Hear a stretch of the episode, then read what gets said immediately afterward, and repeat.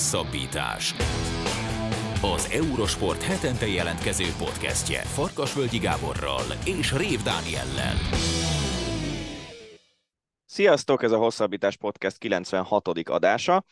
A műsor első részében folytatjuk a múlt heti műkorcsolyás témát, hiszen megkeresett minket szinte a beszélgetés adásba kerülése után egyből Pap Vivien édesanyja, és azt kérte tőlünk, hogy, hogy legalábbis adjunk lehetőséget arra, hogy nagyjából árnyalja azt a képet, amit múlt héten Fürstudiszt el, elénk festett, és erre úgy éreztük, hogy, hogy mindenképpen lehetőséget kell adnunk, úgyhogy a műsor első részében a horvát emőkével, Papivien édesanyjával készült beszélgetésünket hallhatjátok, a műsor második részében pedig természetesen nem lehetett szó nélkül elmenni amellett, hogy megdöntötte az NBA alapszakasz pontrekordját LeBron James, úgyhogy Törős Balázsjal, a Sport TV szakértőjével beszéljük ki az ő pályafutását, hogy miben emelkedik ki, és hogy eh, mik a legdurvább rekordjai.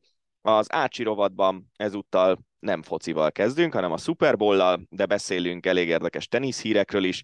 Megszületett az első kínai ATP Tour eh, tornagyőztes eh, Wu Jinping személyében aztán jönnek a foci hírek, Cristiano Ronaldo négy gólt szerzett az Al de betalálta a hétvégi fordulókban Dárdai Márton, illetve az új csapatában először Német András is, Paskuti István lett a nemzetsportolója, és egy egészen őrült NBA csereidőszakon vagyunk túl, úgyhogy ez a heti podcastünk, jó szórakozást kívánunk hozzá! Téli sportok. Tehát akkor műkorcsolya, és Pap Vivien édesanyja, horvát emőke a vendégünk. Mielőtt ilyen nagyon mélyen belevágnánk ebbe az egész történetbe, egy pár mondatban elmondaná, hogy miért is gondolták úgy, hogy megkeresnek bennünket, és aztán beszélünk Vivianról, illetve erről az egész helyzetről, ami most ugye a műkorcsolyában zajlik. Azért gondoltuk, hogy megkeressük Önöket, mert múlt héten végighallgattuk ugye a riportot, és elég egyoldalúnak éreztük, mert a jelenlegi valóság az teljesen más. Azt nem lehet elmondani, hogy Magyarországon nincsenek tehetséges sportolók, mert voltak is, és lesznek is, és vannak is.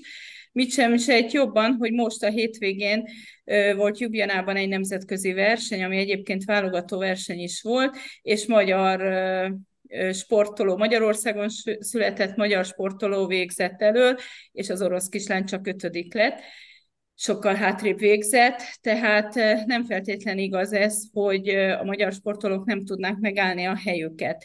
Nagyon sok dolog teljesen helytelenül hangzott el a múlt heti műsorban. Arról nem beszél, hogy a műkorcsárzók meg a jégtáncosok egy helyen edzenek, hát ez nem igaz. A műkorcsárzók azok a kint Káposztás megyelen a Vasas stadionban edzenek, a jégtáncosok pedig bent Budapesten a keleti mellett a Millenárisnál a gyakorló jégpályán. Tehát teljesen más, nagyon sok minden nem jól zajlott, és szerintem jelenleg a magyar szülők nagyon fel vannak háborodva, mi már inkább lenyugodtunk, mert mi már hoztunk egy döntést a Vivian életébe, de azért a mai junior korosztály, amiről ugye a műsor szólt, ez a 13-tól 18 éves korig lévő, ugye, hogy emeli az ISO a az életkorokat, ezért kitolódott a junior korosztály.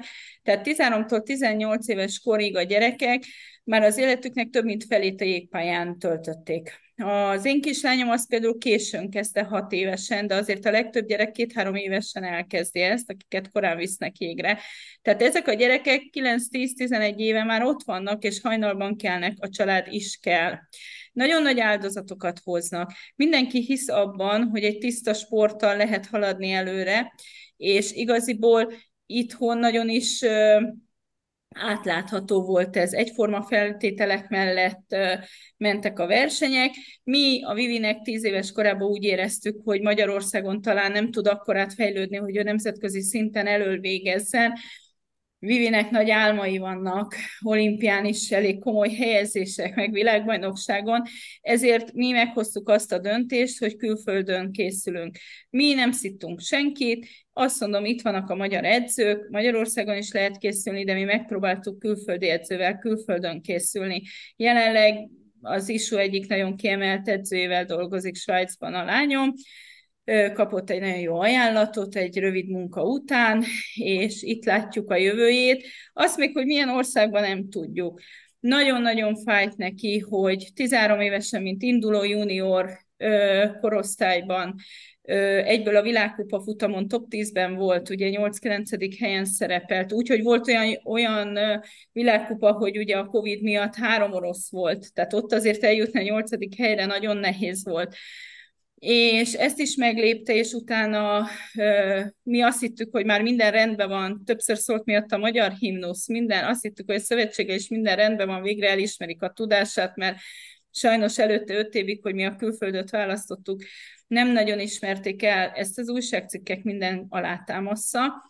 A többi magyar gyerek az itthon próbált készülni. Nagyon-nagyon sok munkát beleraknak, szülők nagyon-nagyon sok dolgot beleraknak, és nagyon szépen is haladnak. Ez látszik nemzetközi szinten. Tehát egyáltalán nem indokolta az, hogy mi most kintről importáljunk versenyzőket.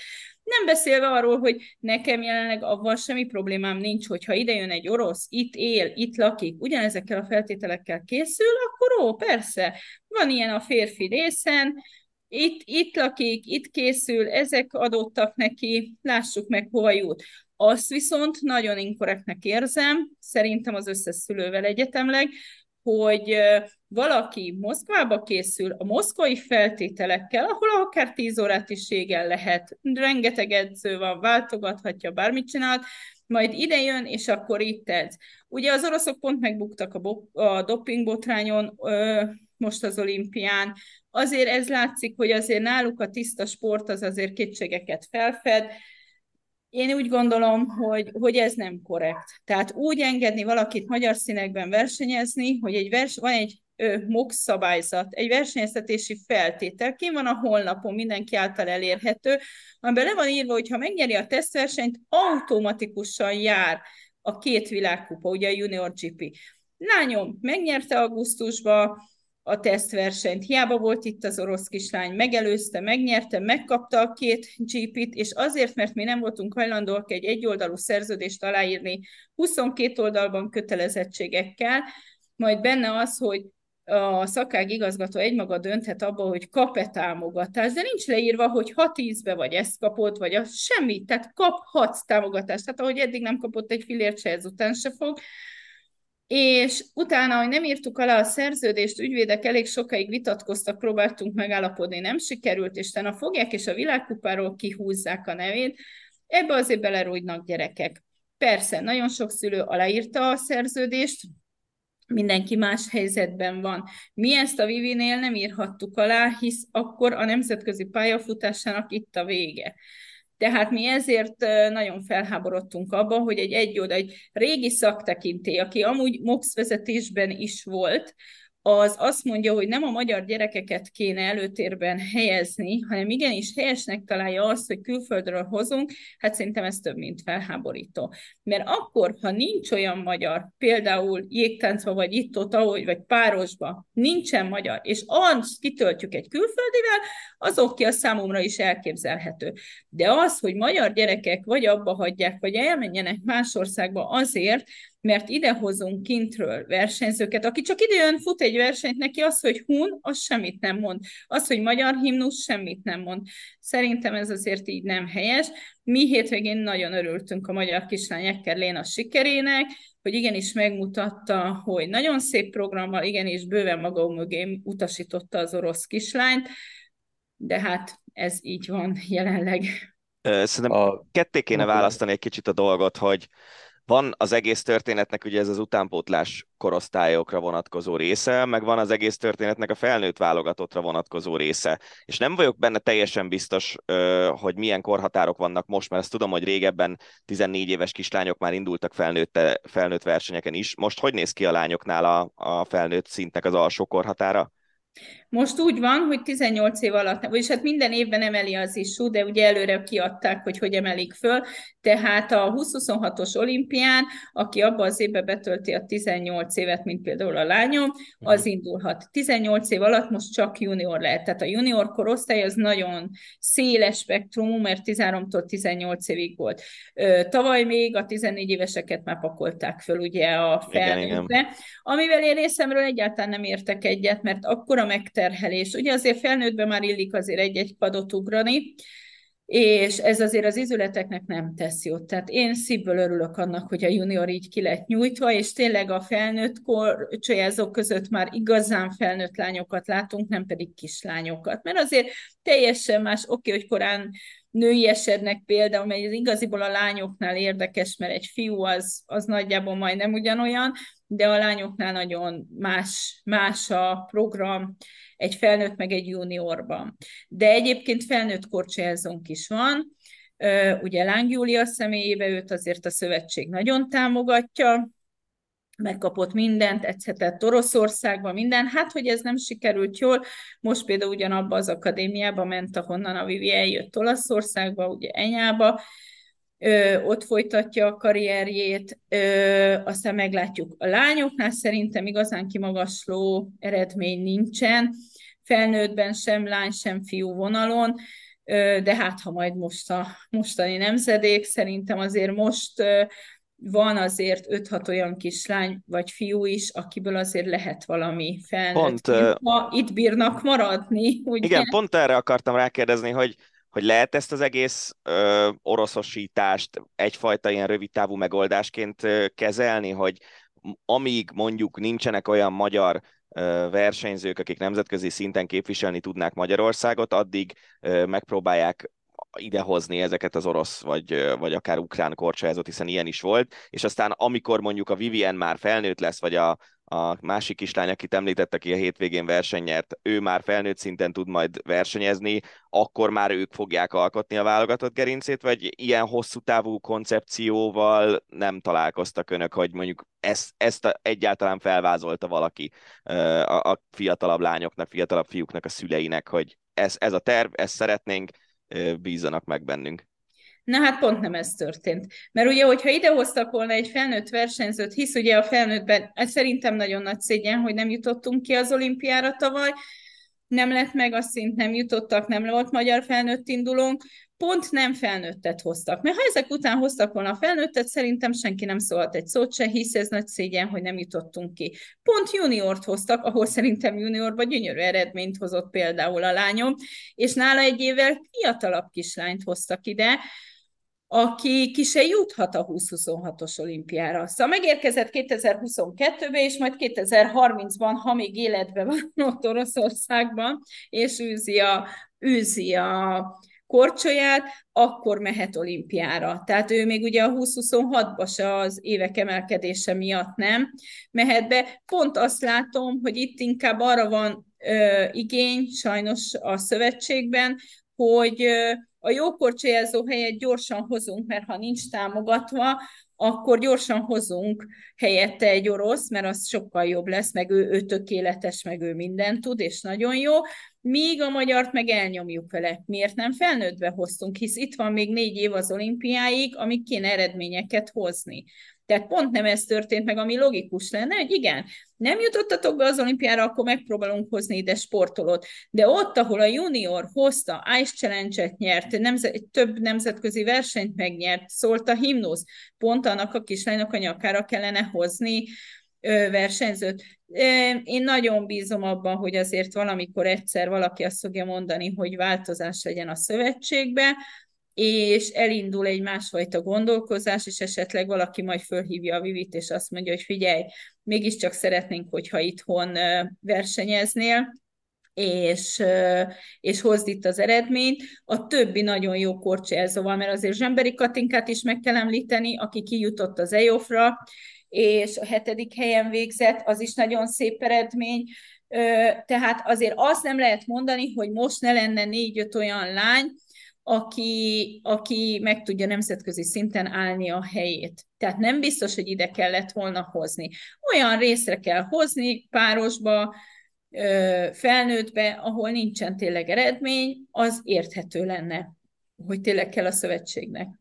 És ha már a szövetséget említi, akkor a sérelmeiket, illetve azokat a problémákat, amik felmerültek, azokat tudatták a, a szövetség előjáróival? Tehát itt volt egyfajta párbeszéd, indult egyfajta párbeszéd, vagy meg sem hallgatták önöket?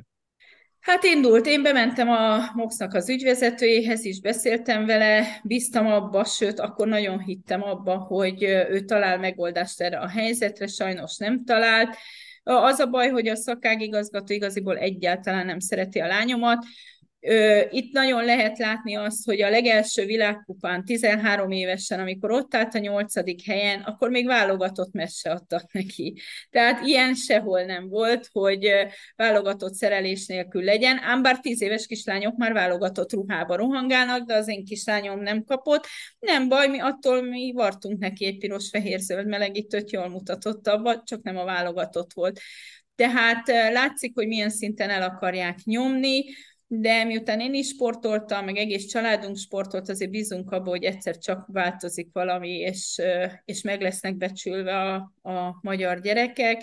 Én őszintén remélem, hogy, hogy, hogy egyszer valaki azt mondja, hogy na jó, akkor kössünk békét, és akkor hát ha, de ha közben a Vivinek véglegesedik egy ajánlat, akkor, akkor ez elúszott, akkor megy, több ajánlata van, de azért Vivi szíve mélyén magyar szeretne maradni, meglátjuk hadd kérdezzek már rá arra, mert Alpesi síben én sokkal jobban benne vagyok, és ott nagyjából egy hasonló történet végbe ment, és látjuk azt, hogy szerintem a, amióta én Alpesi sít nézek, ez egy olyan szűk 30 éve, messze a legjobb magyar földön született versenyző, most izraeli színekben szerzi a jó eredményeket a világbajnokságon. Mi, mi az oka annak, hogy ön azt állítja, hogy a, a szakosztály igazgató, aki ugye gondolom Bárdányan Gurgenről beszélgetünk, Igen. ő nem szereti a lányát. Én ezeket a dolgokat értem meg nagyon nehezen, hogy hogy előzmény nélkül ilyet nem nagyon tudok elképzelni, hogy valaki nem szeret valakit, vagy valaki más szeret, vagy ilyesmi, hanem biztos, hogy ez, ez évek alatt alakul ki egy ilyen helyzet, amit egyébként tényleg elhiszek, hogy most ez a helyzet, ennek mi az oka, és mit lehet tenni azért, hogy ilyen helyzetek ne alakuljanak ki a jövőben, vagy megoldódjanak akár az önök esetében? Ez nagyon egyszerű volt. Tíz éves volt a kislányom, amikor, amikor mi úgy döntöttünk, látva a nemzetközi mezőnyt, hogy külföldi edzővel szeretnénk továbbiakban készülni, és akkor került ide Magyarországra a Gürgen Várdáján, mi kértünk hozzá egy időpontot, bementünk és elmondtuk neki, hogy Angelina Turenkóval egy Szentpéterváron lévő edzővel kívánunk a továbbiakban készülni, és azt mondta akkor, hogy hát ő ezt egyáltalán nem támogatja, mert itthon nagyon jó edzők vannak, nagyon jó feltételek, miért nem itthon készülünk. Mondtuk, hogy nekünk erről más az elképzelésünk, mert mi azt látjuk, hogy 13-14 évesen itthon elfogytak a versenyzők, ugye akik akkor ennyi idősek voltak, és mi ezt a saját pénzünkön megpróbáljuk megcsinálni. Erre azt mondta, hogy csinálhatjuk, de juniorban majd ő fog diktálni, és majd meglátjuk magunkat mi ezt nem vettük komolyan. Tehát mi úgy vettük, hogy hát, hát ha Vivi jól ugrik, megcsinálja, akkor milyen akadály lehet. Ugye hát arra aztán végképp nem gondoltunk, hogy, hogy itt szerződéses akadály lesz. És amikor Vivi hazajött, ugye el is ment, kiköltözött két évre Olaszországba, fantasztikus eredménnyel jött haza, olyan eredménnyel, hogy juniorokat 37 ponttal verte, a felnőtteket 30-al, tehát nagyon két legnehezebb triplát kétszer bemutatta egy kürbe, hogy, és hát így jutott el ugye a világkupán a top 10-be, és hát akkor, akkor meglepődtek, hogy hoho, mi van. Na, ez történt augusztusban, és szeptemberben megérkezett Polina. Tehát azért egy kicsit olyan nagyon durva a váltás. Ez innen ered, hogy, hogy, hogy igaziból botlábúnak volt kikiáltva, ügyetlennek, azért, mert neki később jöttek a triplák. Viszont amikor megjött, akkor meg minden megjött stabilan és egy olyan szenvedés, egy olyan, olyan művésziesség van benne, amiért ugye Stefán Lambié felfigyelt rá most januárban, és megkeresett minket, hogy ő nagyon szélesen foglalkozna a lányunkkal, elmondta, hogy milyen feltételekkel, milyen felkészüléssel, és hát erre nem lehetett nemet mondani, ezért ott kötött ki a gyerek. De, de Szóval, e, és még végigmentünk, tehát nem egy újságíró riport, megjelent egy cikk, letiltották a szövetségből, és ezek mind-mind megvannak bizonyítékként. És én akkor, amikor bementem a Váradi Orsolyához, én ezt mind bevittem, hogy nézd, öt éve soha nem volt elismerve. Na például világkupán ott van nyolcadik helyen, a Moxos cikk, hogy szól, Kisebb hibákkal ugyan, hát egy hibátlan program protokollja volt, tehát milyen kisebb hibákkal, amikor a kommentátor, aki 20 éve csak világversenyeket ö, kommentátor, ő csodákról beszélt a lányunkat látva, és mégis ezt kaptuk meg, tehát soha nem volt elismerve, tehát nem, nem lehetett egy békepipát elszívni, hogy na jó, oké, beérkeztél, oké, és akkor nyomjuk és haladjunk, és ez nem anyagi támogatás, tehát nem anyagi, hanem hogy megjelenik egy cikk, és akkor azt mondja, hogy igen, elismerem, hogy tündökölsz, vagy bármi történik. Nem, nem, ez nem történhetett meg, mi egyszer bízunk benne, hogy, hogy, hogy, hogy vagy a Gurgenvárdáján, vagy valaki megpróbál azt mondani, hogy na jó, akkor üljünk le, és akkor egyszer is mindenkor a borítsunk fájtlat e fölött, vagy tényleg nem marad más, és, és hamarosan azt kell mondjuk egy országnak, hogy igen, akkor, akkor megyünk.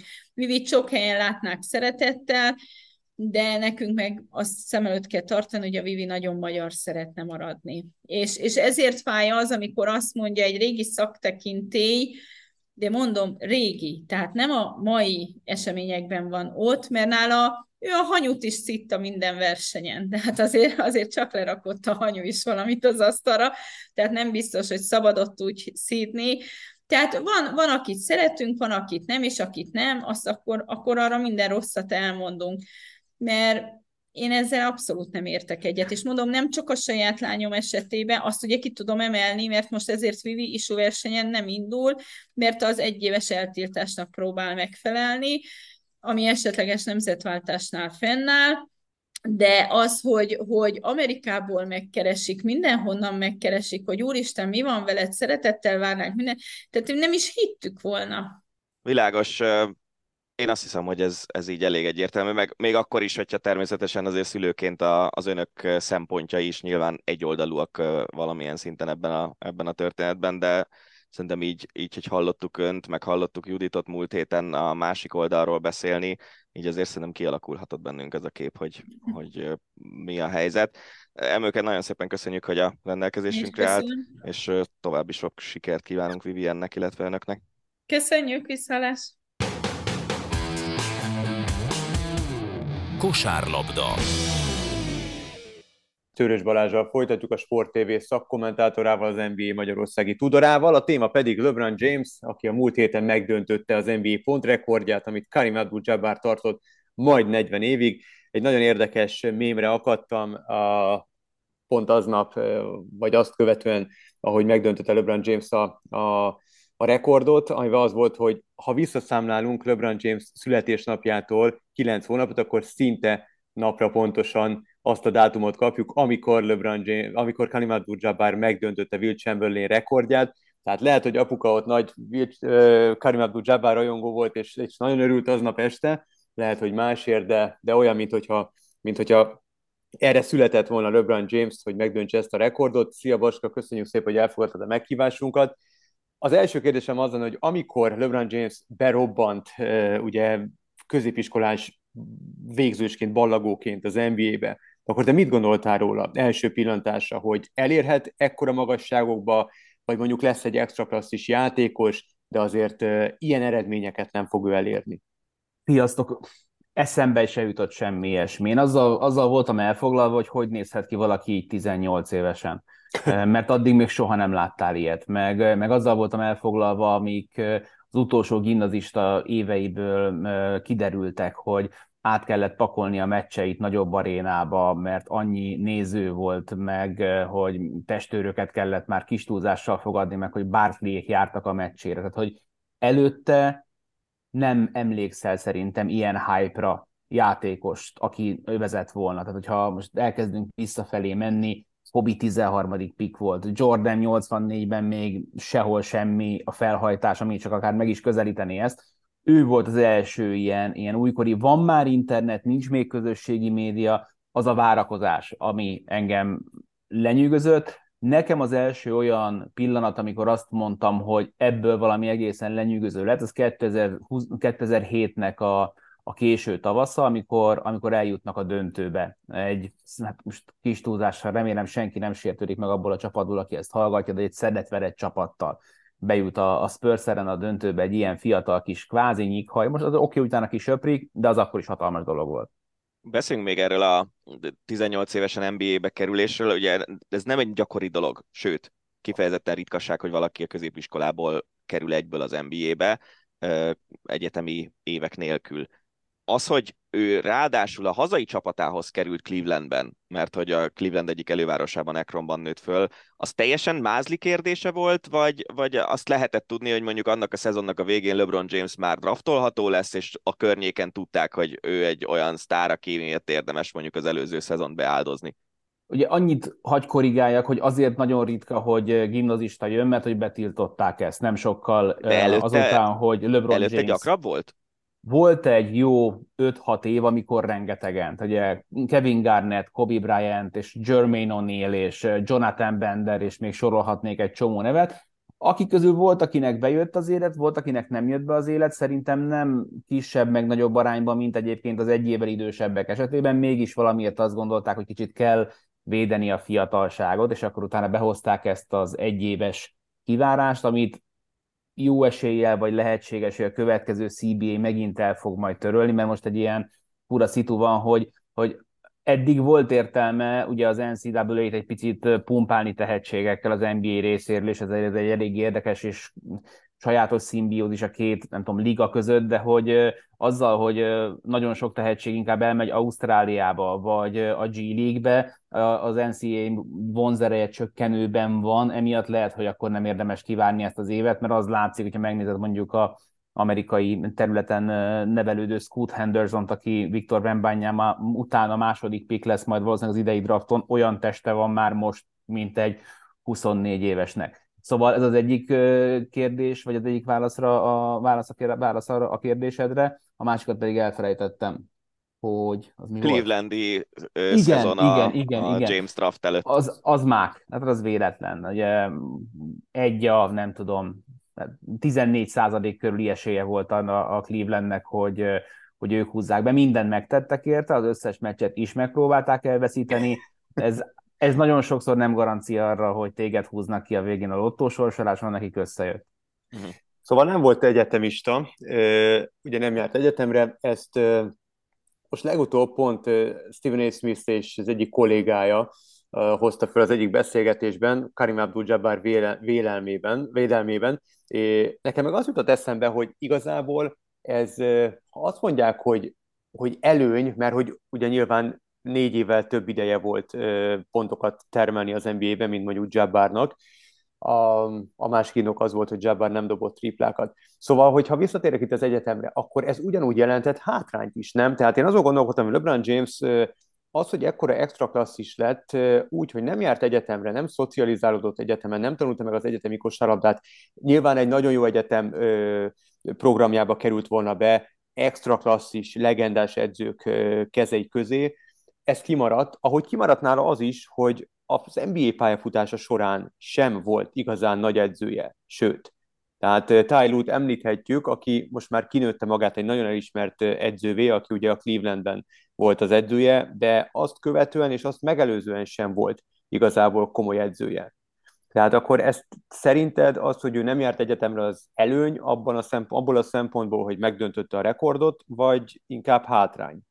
Olyan szempontból nyilván előny valóban, hogy ugye az évek számát tekintve nagyjából ugyanannyira volt szüksége, mint Karimnak, kicsit gyorsabban összejött talán még neki, de az fiatalabban itt tudott eljutni erre a szintre. Az ő fizikumának a, ha járt volna, akkor is egy évet járt volna, tehát semmiképpen sem négyet. Négyet, a, az újkori kosárlabda zseniei közül én nem emlékszem Tim Duncananen kívül másra, aki kijárta volna a négy évet mindenki eljön az első adandó alkalommal. Az, hogy ez neki mennyire lett volna hasznára, az egy, az egy, az egy olyan hatalmas cirkusz lett volna egy olyan közegben, amely egyébként nincs erre felkészülve. Az NBA-hez fel van készülve erre a felhajtásra. A gimnáziumban sem tudtak volna vele mit kezdeni. Most hiába ment volna el a Duke-ra, vagy a Kentucky-ra, vagy bármelyik ilyen nagy programra, ott se tudtak volna erre, erre igazából felkészülni, és hogy szerintem ez se előny, se hátrány, inkább, ha valami, akkor, akkor gyorsabban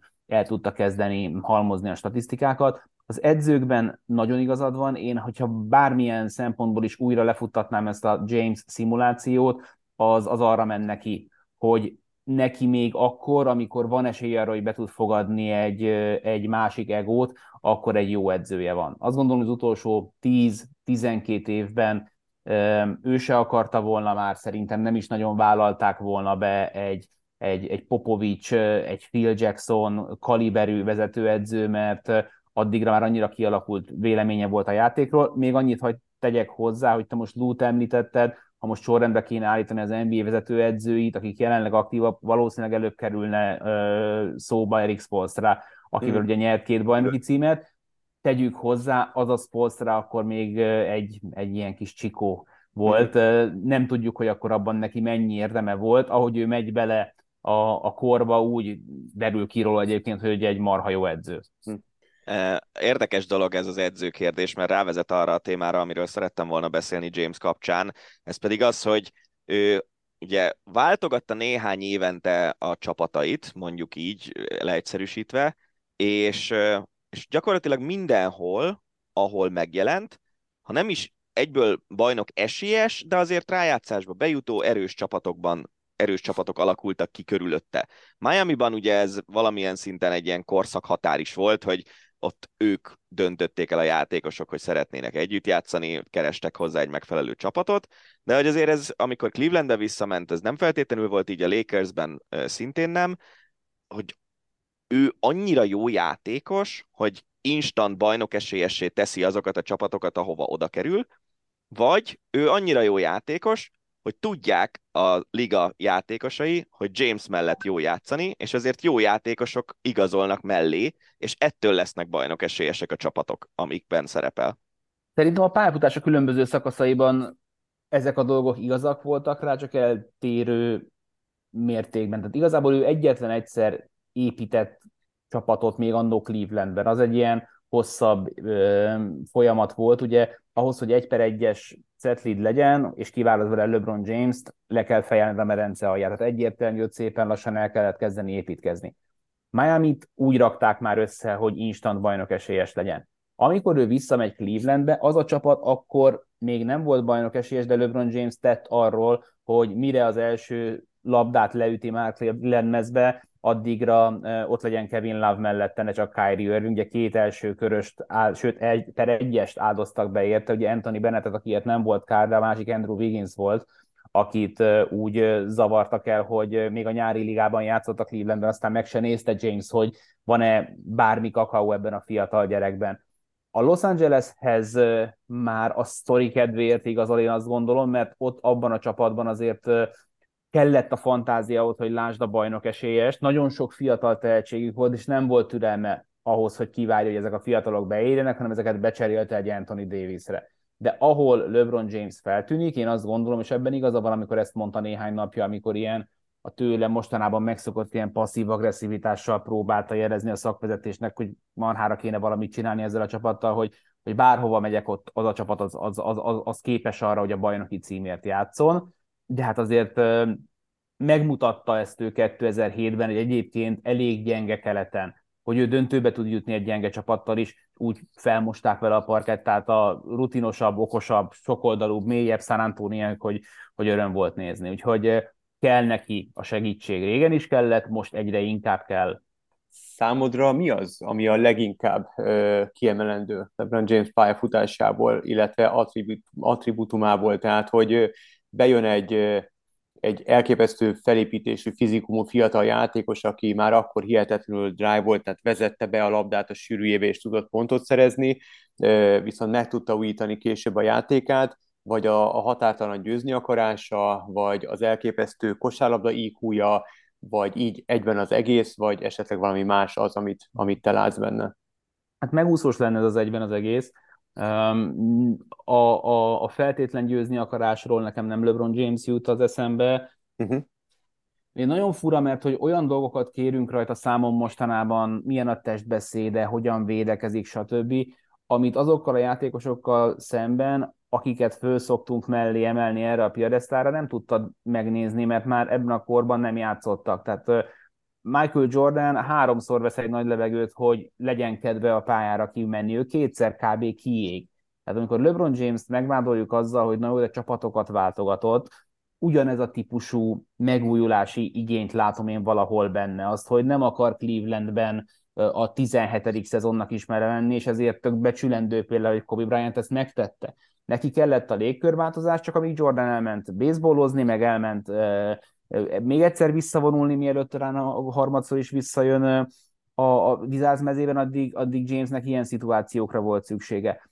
Amit én mindenképpen kiemelnék vele kapcsolatban, és szerintem ezt nem tudom, hogy van-e olyan sportoló, aki ilyen dózisban kapta volna, és, és ne bolondult volna bele, tehát tényleg képzeljétek el, mint ilyen rádióaktív sugárzásnak vagy kitéve, az pontosan ez a média figyelem. Az, hogy valaki úgy jár gimnáziumba, hogy 5000 ember nézi, úgy, hogy még nem üti le a labdát az NBA-be, már 100 millió dollárt keresett különböző szponzori szerződésekkel, és nézzétek meg, hogy mi történik a jelenlegi NBA-ben, mondjuk egyik kedvenc veszőparipám Zsamorentel, éppen akit a silepje, ki tudja, hogy milyen kétes üzletekbe, meg, meg balhékba vonz bele.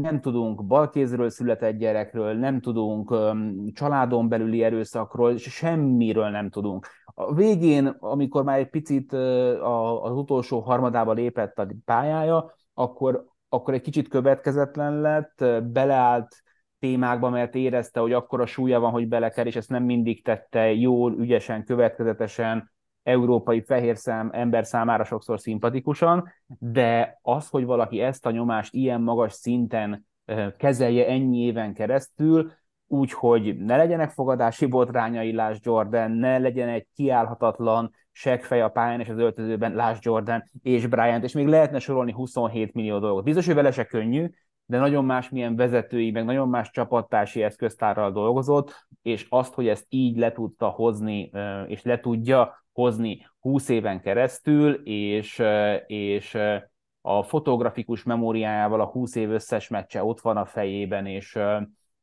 és jótékony, és fejleszti a társadalmat, az övé, szóval, hogy rengeteg-rengeteg ilyen dolgot tudnék még mellé felmondani, amik nagyon sokszor inkább nem is a pályán mutatott dolgaihoz köthetők, hanem, hanem mint, mint, mint ember, meg sportember. Azt tartod még, amit egyszer te mondtál, hogy ugye nyilván vele kapcsolatban folyamatosan előjönnek az összehasonlítások, hogy ő vagy Michael Jordan a valaha volt legnagyobb. Én megmondom őszintén, imádom ezt a vitát, és órákig el tudok rajta vitatkozni, viszont te azt mondtad egy mondattal nagyon bölcsen elintézve, hogy Jordan a legnagyobb bajnok, LeBron James a legjobb játékos. Tartod még ezt? Én azt gondolom, hogy ha a píkjüket nézzük, és egy mérkőzésről van szó, ahol az összes többi játékos ugyanaz, és választanom kell egy embert a, a végére, akkor én azt gondolom, hogy LeBron james jobb esélyed van nyerni. Uh-huh.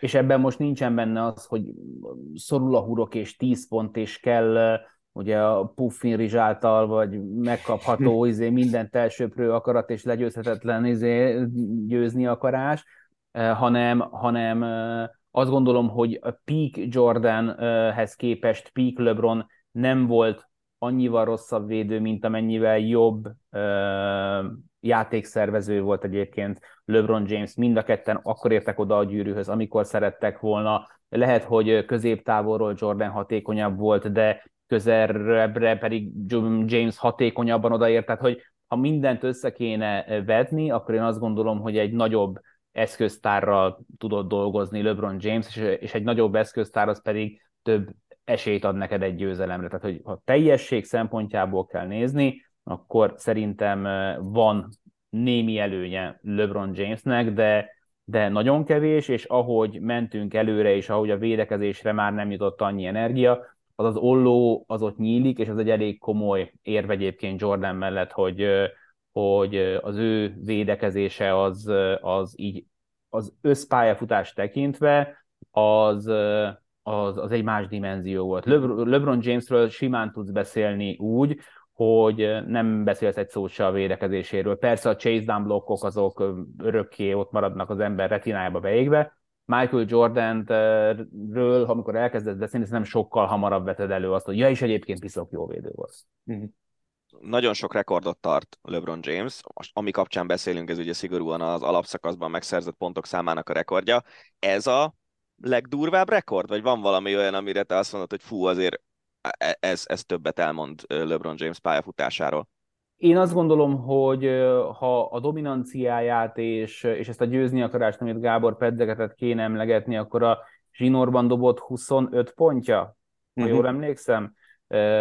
A, a, a Detroit ellen még a Cleveland mezében szerintem egy olyan statisztika, meg egy olyan rekord, ami, ami a mai napig hidegrázós, és amikor készültünk a Szaniszló Csabival a Jordan LeBron beszélgetésre végignéztem, szóval hogy ott azért, ott azért még ilyen Chauncey Billups-ok, meg Tayshaun prince kellett, kellett belépni. Tayshaun Prince volt annak az időszaknak az egyik legmagasabban pajzsra emelt egy per egyes védője, és ehhez képest csinálta ezt LeBron James. Ezt én mindenképpen ide tenném, illetve a másik az az, hogy 38 évesen 30 pontot átlagol most már, azt hiszem, és ha megnézed azt, hogy valaki ebben a korban mit tudott összehozni átlagban, akkor lassan most már a felénél tartunk pont általában. A Kobe Bryantnek van azt hiszem 17 és fél pont környéke, Dirk Nowitzki 12-13 pont környékén jár. Tehát LeBron James neve mellé, amit oda kell rakni, és, és ami, ami, ami szerintem nehezen elválasztható, az, az, az, ez, a, ez a kitartás, ez a, ez, a, ez a lejárati szabatosság, az angol mondja a longevity, ami, ami minden egyes alkalommal, amikor őt látjuk játszani, akkor sokkal hangsúlyosabban kéne jelentkezni, csak az emberekben ez nem jelentkezik. Tehát az egész elmúlt hét nekem egyszerre volt nagyon felemelő, meg időnként megható, meg elképesztően bosszantó, mert hogy, mert hogy LeBron Jamesnek rengeteg hétere van nemzetközi szinten és természetesen Magyarországon is, és, és ahelyett, hogy hogy, hogy most egy picit mindenki megállt volna és ünnepelte volna ezt a, ezt a, ezt a csodát, a, ahelyett, ahelyett azt, tehát mond, vettek, elővettek mindenféle statisztikát, miközben tényleg ilyet 38 éves testben még nem láttál, amit ez a fickó csinál. És hogyha nem döntené meg a rekordot éppen, csak néznéd, hogy, hogy mire képes jelenleg még a pályán, már attól le kéne tenni a maradék hajadot is. Az, hogy közben egy ilyen kisebb, mutatok egy idézőjelet, mérföldkő mellett is elhadt, ez Mácska habatortán. Igen, ez nagyon fura, hogy ez, az, hogy ilyen, ilyen, ilyen hosszú a szavatosság, ahogy te mondtad, ezt, ezt leginkább hátrányként hozzá fel vele kapcsolatban. Nincs túl sok időnk hátra, ezért még egy kérdést azért bedobnék ide a közösbe. Ugye Michael jordan kapcsolatban azt mondják, hogy nemzetközivé tette a kosárlabdát, és neki köszönhető az, hogy világszerte elismerté vált az NBA, és megismerték, és hihetetlen rajongó tábor szerzett a ligának.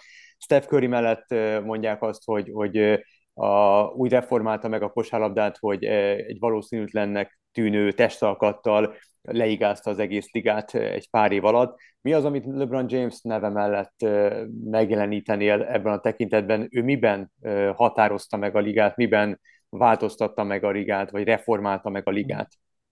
Ja, ami szerintem, aztán mindenki másképp van drótozva, Michael Jordan-t vagy LeBron James-t eszedbe nem jutott utánozni, vagy elképzelni, hogy bármit is megcsinálsz, amit ők megcsináltak. Steph Curry varázsa szerintem abban rejlik, hogy hogy az ő, ő, ő hős tetteit az a gyerekek megpróbálják reprodukálni. Jó, persze dobálgat mindenki félővejeket, amikor éppen olyanja van, de hát azért az nem ugyanaz a kategória. Szerintem a LeBron James, mint mindenhez, ehhez, is írt egy sztorit, meg ehhez is talált egy szlogent. Szerintem LeBron Jamesnek a more than an athlete gondolkodása, mentalitása az, ami, ami kiemeli őt. Mert amíg Michael Jordan egy, egy nagyon ismert sportoló volt, akit nagyon sokan szponzoráltak, de ő igazából itt megállt. Tehát az, amit ő csinált a Nike-val, az nagyon sok mindenben megágyazott annak, aminek később learatta a babírjait, akár LeBron James, akár Steph Curry.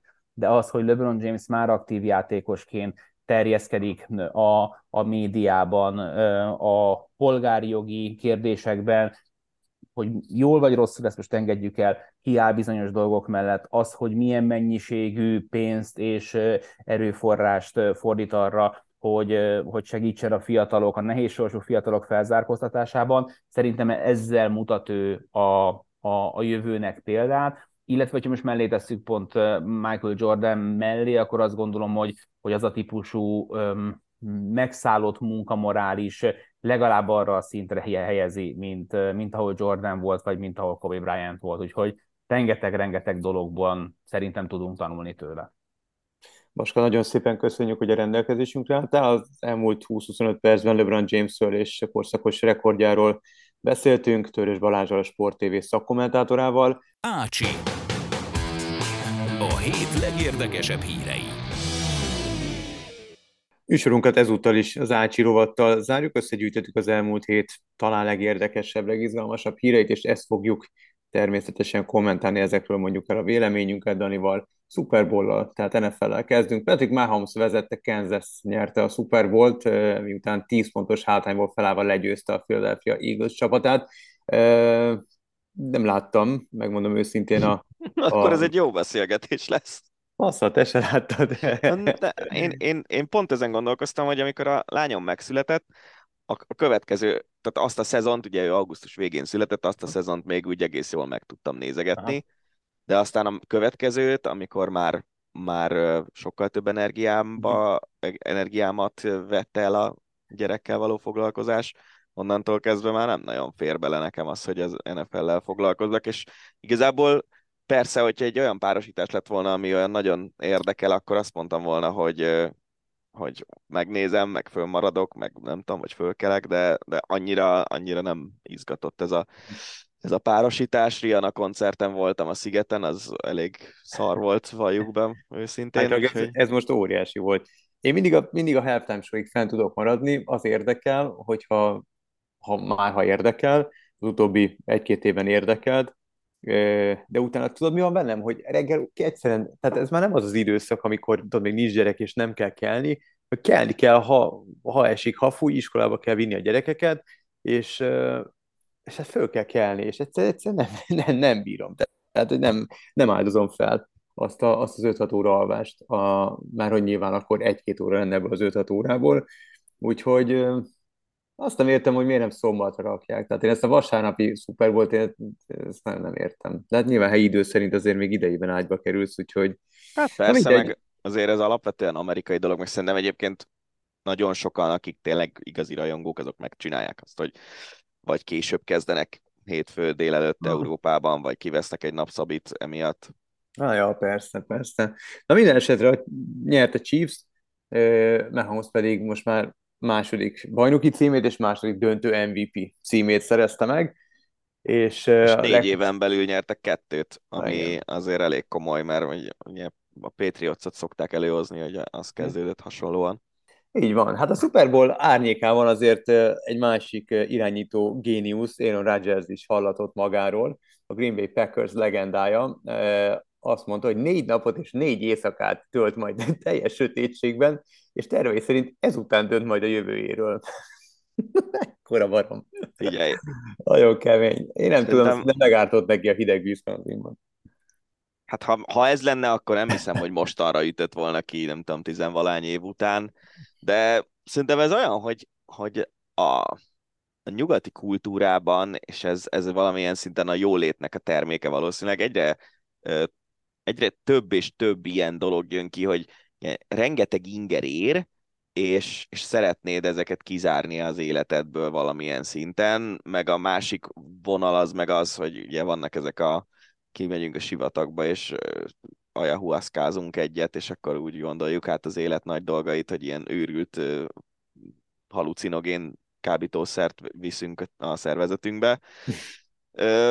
Szóval annyira nem lepett meg ez a történet, főleg Aaron Rodgers azért ő egy ilyen arc az elmúlt évek megszólalásai alapján ő, ő azért szeret hinni dolgokban, amik nem biztos, hogy úgy vannak. Ha, hogyha neki ez kell ahhoz, hogy jó döntést hozzon a pályafutása folytatásával kapcsolatban, akkor hajrá. De egyébként nem tudom elképzelni, hogy milyen lehet négy, négy nap, négy éjszaka teljes sötétségben. Ezt én sem. Ezt én sem, nem is annyira érdekel. Mindig szoktam neked ajánlani, a, mindig szoktam neked ajánlani az Atlanta című sorozatot. Igen, és... az első két évadát néztem is, csak utána nem találtam. Tudod, akkor még így, így loptam valahonnan, nem tudom, de most már inkább a streaming oldalakat nézem, és amelyekre elő vagyok fizetve, azokon egyiken sincs, pedig vagy négyet fizetek, úgyhogy... Nem tudom egyébként, hogy hol van, mert én továbbra is olyan sorozatokat, amik, amik nincsenek nagyon, azokat igenis leszoktam tölteni. Uh-huh. De ha, ha valaki megírja, hogy hol, hol lehet nézni magyar tévében, vagy magyar streaming szolgáltatón az Atlantát, azt megköszönjük. De annak a, az negyedik évadában van egy ilyen rész, hogy az, az egyik srác a főszereplők közül egy ilyen egy ilyen tartályban, tudod, ahol meleg Aha. vízben fekszel, sötétben, ott, ott van, és, és, és egy idő után nem tudja eldönteni, hogy, hogy a valóságban van, vagy nem, és aztán ki, kirakják ebből a, ebből a helyből, mert ő azt hitte, hogy álmodja azt, hogy vállalhatatlanul viselkedik az ott lévő hölgyekkel. szóval, szóval, ja, hát hogyha ez kell Aaron Rodgersnek, akkor hadd szóljon, de nem tudom. Én, én kicsit inkább a, azon a véleményen vagyok, hogy amit azt hiszem egyébként az szintén meglehetősen vicces, hát ilyen szerepkörben tetszelgő Gronk említett meg, hogy miért az a legfontosabb Rodgersnek, hogy ő még MVP címeket tud nyerni valami jó csapatban, miért nem az, hogy bajnoki címeket akarjon nyerni. Én is inkább e felé, az irány felé vinném az ő pályafutását a helyében, hogy olyan csapatba igazolni, ahol van esély bajnokságokat nyerni. Figyelj, csak most jó lejáratom magam, az Apple TV-n van az Atlanta, és én Apple TV Na. előfizető vagyok többek között, és eddig rá, de nem is kerestem rá, mert nem is gondoltam, hogy itt megvan, úgyhogy ismételten belevágok. Mert Na, az, az első két évadot imádtam. Szerintem a harmadik, harmadik az, az egészen, egészen zseniális, uh-huh. Ö, és a negyedik is elég jó. Aha, na jó van nekiesek. Tenisszel folytatjuk. Wu Jiping szemében megvan az első kínai férfi ATP győztes teniszező, John Eisner verte. Torna győztes, nem? Torna győztes, igen, igen. Ja, okay. John eisner verte Dallasban. Igazából nyilván azért került fel ez a, a hír ide az Ácsi hírei közé, mert uh, nyilván valaminek az elindítója lehet ez. Kettő meg azért férfi teniszben a kínaiak eddig uh, kis tudtása sehol sem voltak azért Igen. leginkább a, VTA tornákon szerepeltek, ha éppen el nem tűntek, úgyhogy azért ez, ez lehet, hogy valaminek a, a, az elindítója, és hát a nagyszámok törvény alapján lehet, hogy a jövőben egyre több kínai teniszezőt fogunk majd látni sikeresen szerepelni a férfi mezőnyben.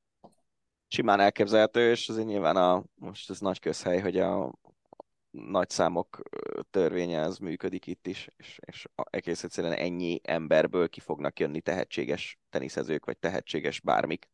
Igen, remélhetőleg nem rontják el úgy, mint a kínai snookeresek, akiket most szinte egy emberként tiltanak el a snookerben, hogy belementek egy ilyen komoly fogadási csalásba. De a... ez, ez jó átkötés is lehetne a Ugye? teniszes, teniszes hasonló sztorira.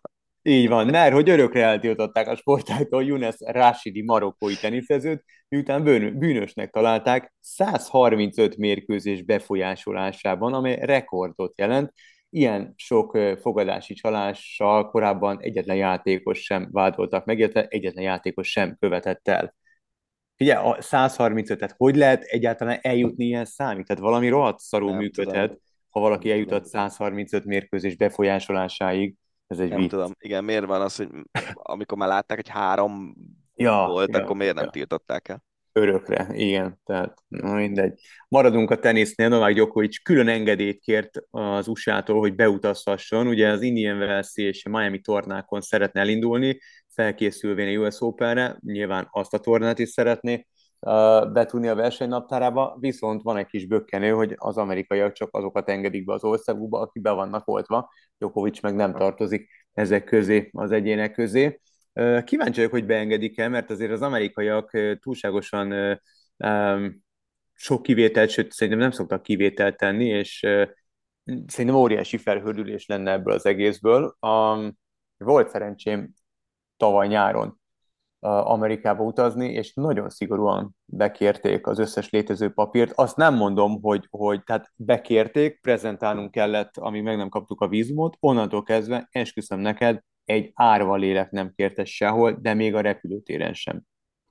De hát, mert valószínűleg prezentálni kellett a papírt. Gondolom a rendszerben fönn volt, Igen. és nem volt ilyen ölert, hogy huha-huha, jönnek a farkasvölgyék, és nincsen, nincsenek beoltva Én, Úgy. én nekem ez, ez ugye t- t- tényleg az az érdekes, és ez nem az saját gondolatom, de az a baj, nem emlékszem, hogy kié.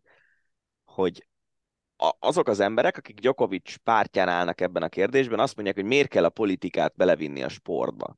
De mondom, mi, mi, és ezt már egyszer biztos vagyok benne, hogy ebben a podcastben elmondtam, hogy mi inkább politikai döntés, hogyha egy országnak vannak beutazási szabályai, ahhoz minden beutazni kívánó embert összemérünk ezekkel a szabályokkal, és ha valaki nem felel meg, azt nem engedjük be. Ez az egyik változat, a másik változat meg az, hogy valamilyen bevándorlási hivatali vezető, akit szerintem nyugodtan nevezhetünk politikusnak, vagy politikai kinevezetnek, úgy dönt, hogy ő külön engedélyt ad, mondjuk Novák Gyokovicsnak, de tök mindegy kinek, tehát hogy tényleg felőlem aztán mehet oda bárki, nem tudom, ki az, aki ilyen nagyon híres, Camilla Giorgi, ugye valószínűleg ők is csal, csaltak az oltási papírokkal, vagy, vagy mondhatunk bárkit, a, az, azt az embert egyesével egy ember dönt a sorsáról. Szerintem sokkal inkább az utóbbi eset az, amikor a politika beleavatkozik a sportba, mint az előbbi, amikor vannak szabályok, és ezt mindenkinek be kell tartani. Labdarúgás. Nem tettek le az Európai Szuperliga beindításáról. A ligát támogató cég, ez a bizonyos A22 vagy A22 bejelentette, hogy egy, bejelentette egy új 10 pontból álló tervezetet a sorozat beindítására. A, nyilván az Európai Bíróság majd mostanában hoz ítéletet ezzel az egész ligával kapcsolatban. A céljuk, idézem, egy fenntartható projekt prezentálása az európai futballban résztvevők számára, amely minimálisan mind a 27 EU tagállam csapatai számára elérhető lesz. Most a 10 pont között, hogyha szemezgetünk, akkor például egy nyílt versenysorozat 60-80 csapattal részvétel bajnoki szerepléshez, szerepléshez kötődne, a szurkolói élmény javítása, a szolidaritási alap biztosítása nem résztvevő klubok és grassroots programok számára évi 400 millió euróval. A, ugye pont Mi, a... Miben más ez, mint az UEFA versenyrendszere? Ez jó kérdés. Mert ugye a Superligának annak volt egy elég tiszta ötlete, nagyjából az amerikai major bajnokságok Igen. alapján ott benne lett volna X csapat, lehet egyébként, hogy a végén 32 lett volna, és játszottak volna a keresztben, nem tudom, divíziókban, de hogy ott benne lett volna X csapat, ami minden évben benne van, és az, amit most elmondtál, hogy a, a bajnoki szereplés adja az alapját a, a Superligában történő részvételnek, azt hívják úgy, hogy Európai Klubfutball, mert a Igen. BLL konferencia liga az még jóval több is, mint 60-80 csapat. Figyelj, én nem tudom, hogy hogy, hogy működik kizárólagosan a, a, az UEFA, illetve a bajnokok ligája, de itt van egy olyan kitétel, hogy a klubok kizárólag a saját maguk által megtermelt bevételt költetik el, a verseny romboló tőke injekciók nem alkalmazhatóak, a klubok kizárólag a megtermelt bevételük egy meghatározott százalékát költhetnék el fizetésekre és átigazolási díjakra. Ez pedig az UEFA pénzügyi fair play szabályának a rövid hát jó, hát amit, igen, amit folyamatosan áthágnak. Um, Na mindegy, szóval én ezt nem értem, mert tényleg az eredeti Superliga koncepció, ami ugye lényegében a, a, szülőcsatornában maradt útközben valahol, az, az, az lett volna, hogy ott, ott tényleg a, a leginkább piacképes európai csapatok játszanak egymással, X meccset egy szezonban, és akkor nincs BL, hanem ez helyettesíti. Ö, amit ugye mondott múlt héten Dénes Ferenc, az az lett volna, hogy, hogy ennek a szuperligának legyenek egy ilyen, ilyen regionális alligái kb, és akkor mondjuk a, a Fradi harcol a szuperligába jutásért, vagy följebb, magasabb szintre jutásért, mondjuk a, én, a Légia Varsóval, meg a Dinamo Zágrábbal, meg ilyen csapatokkal, de hogy már az is olyan, hogy akkor a Superligába csak jutnának olyan csapatok, amikre egyébként nem kíváncsi a kutya sem. Tehát itt az egész alapprobléma az ez, hogy a, mondjuk a Barcelona, de még azt mondom, hogy még, a, még az Arsenal vagy a Manchester City is játszik egy szezonban, mondjuk hát a Barcelona szerintem olyan 30 bajnokit, ami kevés embert érdekel, a, a Manchester City lehet, hogy csak 20-at, vagy 15-öt, mm-hmm. és hogy ezekből e, e, e, nincsen elég, nincsen kimaximalizálva lényegében a pénzügyi értéke ezeknek a kluboknak, és ezért lett volna a Superliga, hogy ne a, a nem tudom, a Gironával, meg a Cadizzal játszon a Barca hétvégente, hanem minden, minden meccsét olyan csapat ellen, ami ellen teltház van, meg a tévénézők is leülnek a meccsek elé. Nem, nem tudom, hogy ezt a kettőt, ezt hogy fogják tudni összehozni ezzel a, tehát azt a vonalat, hogy igenis kis csapatoknak is legyen esélye a nagyok közé oda kerülni, meg azt a vonalat, hogy mi egymással játszunk, ti megcsináltok, amit akartok, mert a kettőnek szerintem nincsen uh, nincs. Közös halmaza. Ja, ja, szerintem sem biztos, hogy uh, sérülnek érdekek. Én is nagyon kíváncsi vagyok, hogy mit hoznak össze. Az eredeti ötlet bármennyire is nem tudom, nekem azt tetszett. Tehát én, én azzal tökre lettem volna, mert irgalmatlan magas szintű meccseket néztünk volna folyamatosan.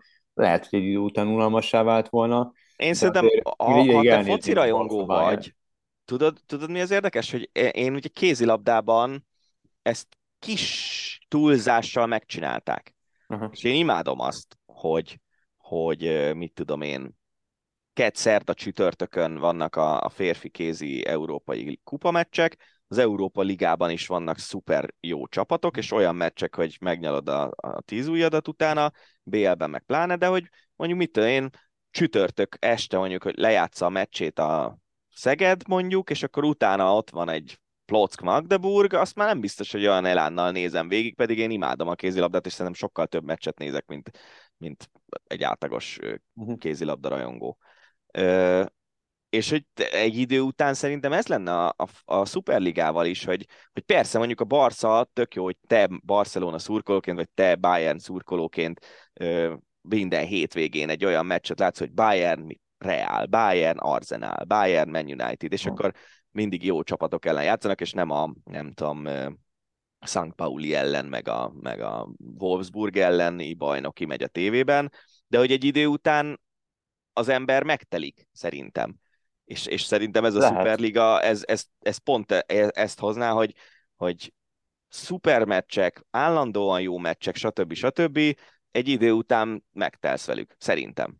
Igen, persze, meg mindig jó nézni uh, időről időre egy ilyen, ilyen tündérmesét, mint mondjuk most az FA Kupával Rexnemnek a, a, a menetelése. Tudom, hogy az FA Kupa, tudom, hogy ott azért ez többször előfordul, és most lehet, hogy rossz, rossz példát mondtam, de, de mondjuk egy, egy Fradi Iváncsa, most aztán lehet, hogy még, még rosszabb példát mondom, tehát tök jó időről időre olyanba belefutni, hogy a kis csapat nyer a nagy ellen, és, és tényleg egy ilyen tündérmesének vagy a, a szemtanúja, de ez nagyon-nagyon ritkán ö, jön, és adatik meg, és általában mondjuk egy ilyen Bayern-Wolfsburg az esetek nagy százalékában nem feltétlenül annyira élvezetes, mint mondjuk egy Bayern-Barcelona. Uh, na mindegy, hát igazából én kíváncsi vagyok, hogy mi lesz ebből a történetből, mi lesz ennek a történetnek a vége. Az biztos, hogy amit te is mondtál, közös halmaz szerintem nincs nagyon. Egy-kettő meg biztos, hogy valakiknek az érdeke sérülni fog, és így valószínűleg, vagy én azt feltételezem, hogy, hogy kerékkötője lesz ennek az egész szuperligának. Cristiano Ronaldo azt nem tudom, hogy Cristiano Ronaldo új csapat, az Al Nassr, az játszott majd-e, játszott-e majd ebben a szuperligában. Én gyanítom, hogy nem. Minden esetre a portugál zseni négyszer talált be a legutóbbi bajnokián, és ezzel megszerezte 500. bajnoki gólját. Gratulálunk Cristiano Ronaldónak, hogy a, a Liga Premier League-hez képest egy pici szint csökkenés kellett csak ahhoz, hogy újra rátaláljon a góllövő útra. Nyilván a Blast 4-ben is gól király lenne. Meg bá, nagyon sok olyan bajnokságban van a világon, ahol gól király lenne, csak olyan emberről beszélünk, aki mondjuk októberben még a Gótvita résztvevője volt. Még ugyanúgy el lehet erről vitatkozni szerintem, de ez El, csak fölösleges. Mindegy. Viszont már csak 399 góllal, vagy 499 góllal van lemaradva tőle Dárdai Márton, aki megszerezte a Bundesliga-ban pályafutása első találatát a Hertha BRC címe, ö, színeiben, úgyhogy ismét Dárdai névtől hangos a Bundesliga. Ez az első gól, ez azért egy igen komoly találat volt, 20 méterről bőzületes nagy gólt lőtt a, a Gladbach ellen az ifjabbik Dárdai, úgyhogy gratulálunk neki, tényleg gyönyörű gól volt, és még, még sok ilyet. És reméljük, hogy magyar válogatott játékosként láthatjuk majd őt viszont. No comment. Uh, nem tudom, hogy neki mi lenne jobb. Ha ő akkora, akkora tehetség és annyira, annyira jó játékos, de az... az egész életét Németországba töltötte, neki nincs nagyon kötődése Magyarországhoz szerintem az apukáján révén. Apukája az, révén. Az Nyilván minden jó játékos játszol a magyar válogatottba, gondolom, de, de, de mióta, úgy, vagy, hogy... mióta vagy Tárdai Márton? Hogy érted? Hát nyilván az, hogyha van egy ember, aki egy nagyon jó játékos lesz, és ő a magyar válogatottat erősíti, az nekünk magyaroknak jobb, mint hogyha a németet, és most én teljesen a saját szempontomból mondtam ezt a ja, dolgot. persze, persze, én csak... Az, ha, ha Dárdai Márton lennék, gondolom, biztos, hogy, hogy német akarnék lenni. Az, ez nem azt kérdés. gondolom, hogy, hogy vagy nem gondolom, nagyon remélem, hogy semmiféle, az biztos, hogy a szülei révén nincsen semmiféle pressziónak kitéve, én nagyon remélem, hogy a külvilág, illetve a hozzájuk közel állók sem presszionálják, és meghozza majd azt a döntést, ami neki a legjobb.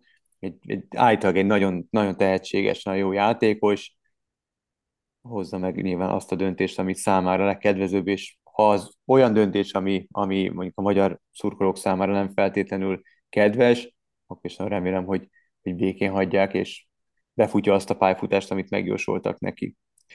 Aki viszont már bemutatkozott a magyar válogatottban, az német András, aki új csapatában a Hamburgban a rögtön góllal mutatkozott be, úgyhogy neki is gratulálunk, és ezt, ha jól tudom, már nem először teszi. Nem, ebből... Hát a válogatottban is körülbelül 10, 10 hmm. percen belül gólt lőtt, vagy valami ilyesmi volt, nem? Akkor igen, akkor jól emlékszem. Igen, igen az biztos, hogy... Uh... Hát ebben jó, jó, ha rendszer csinál az ember. ja, igen. Nem, nem rossz.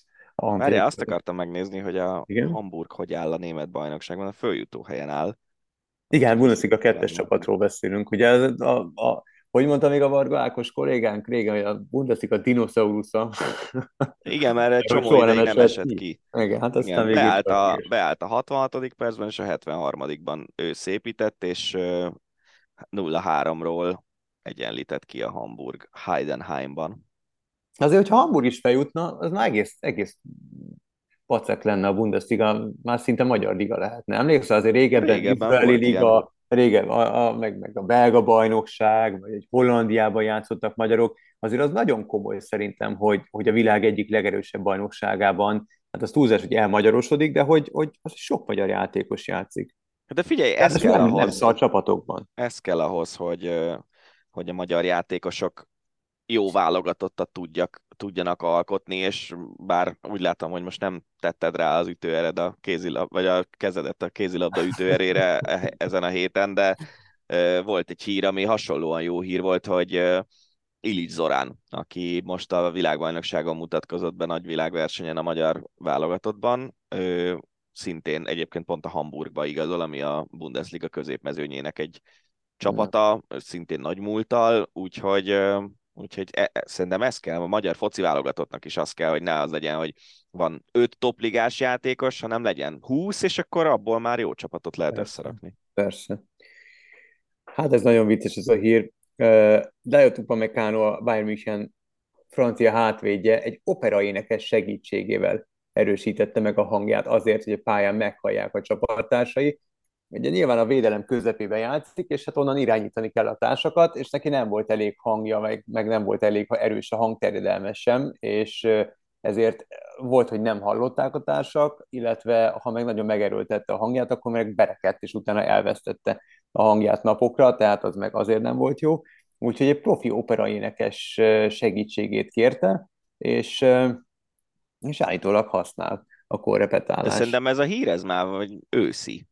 Vagy nekem az rémlik, hogy a, már, a, már a VB környékén. Ah, én is láttam most a napokban a sajtóban, de, de szerintem ez valami régebbi sztori. Lehet. Ettől még tényleg nagyon érdekes, és egyébként pont James kapcsán talán nem is került szóba az, hogy ő, ő milyen összeget költ el arra minden évben, hogy, hogy a testét karban tartsa, és hogy ez is egy mennyire előremutató sportolói felfogás, hogy még meg tudod hosszabbítani a pályafutásodat, és persze nagyon sok pénzbe kerül, de mondjuk mit elköltesz egy szezonban másfél millió dollárt erre, 50-et keresel, vagy nem tudom mennyi most a fizetése Igen, neki. Megtérül, komolyan. Igen, elég jól megtérül ez a befektetés, és igazából valószínűleg Upá Meccano is azért ha még ha egy nagy, magas órabérű opera énekest is talált, akkor se hiszem, hogy hogy, hogy nagyon rosszul járt volna ezzel a dologgal. Így van, meg hát ki tudja, pályafutással végeztével akár még át is tendálhat valami teljesen más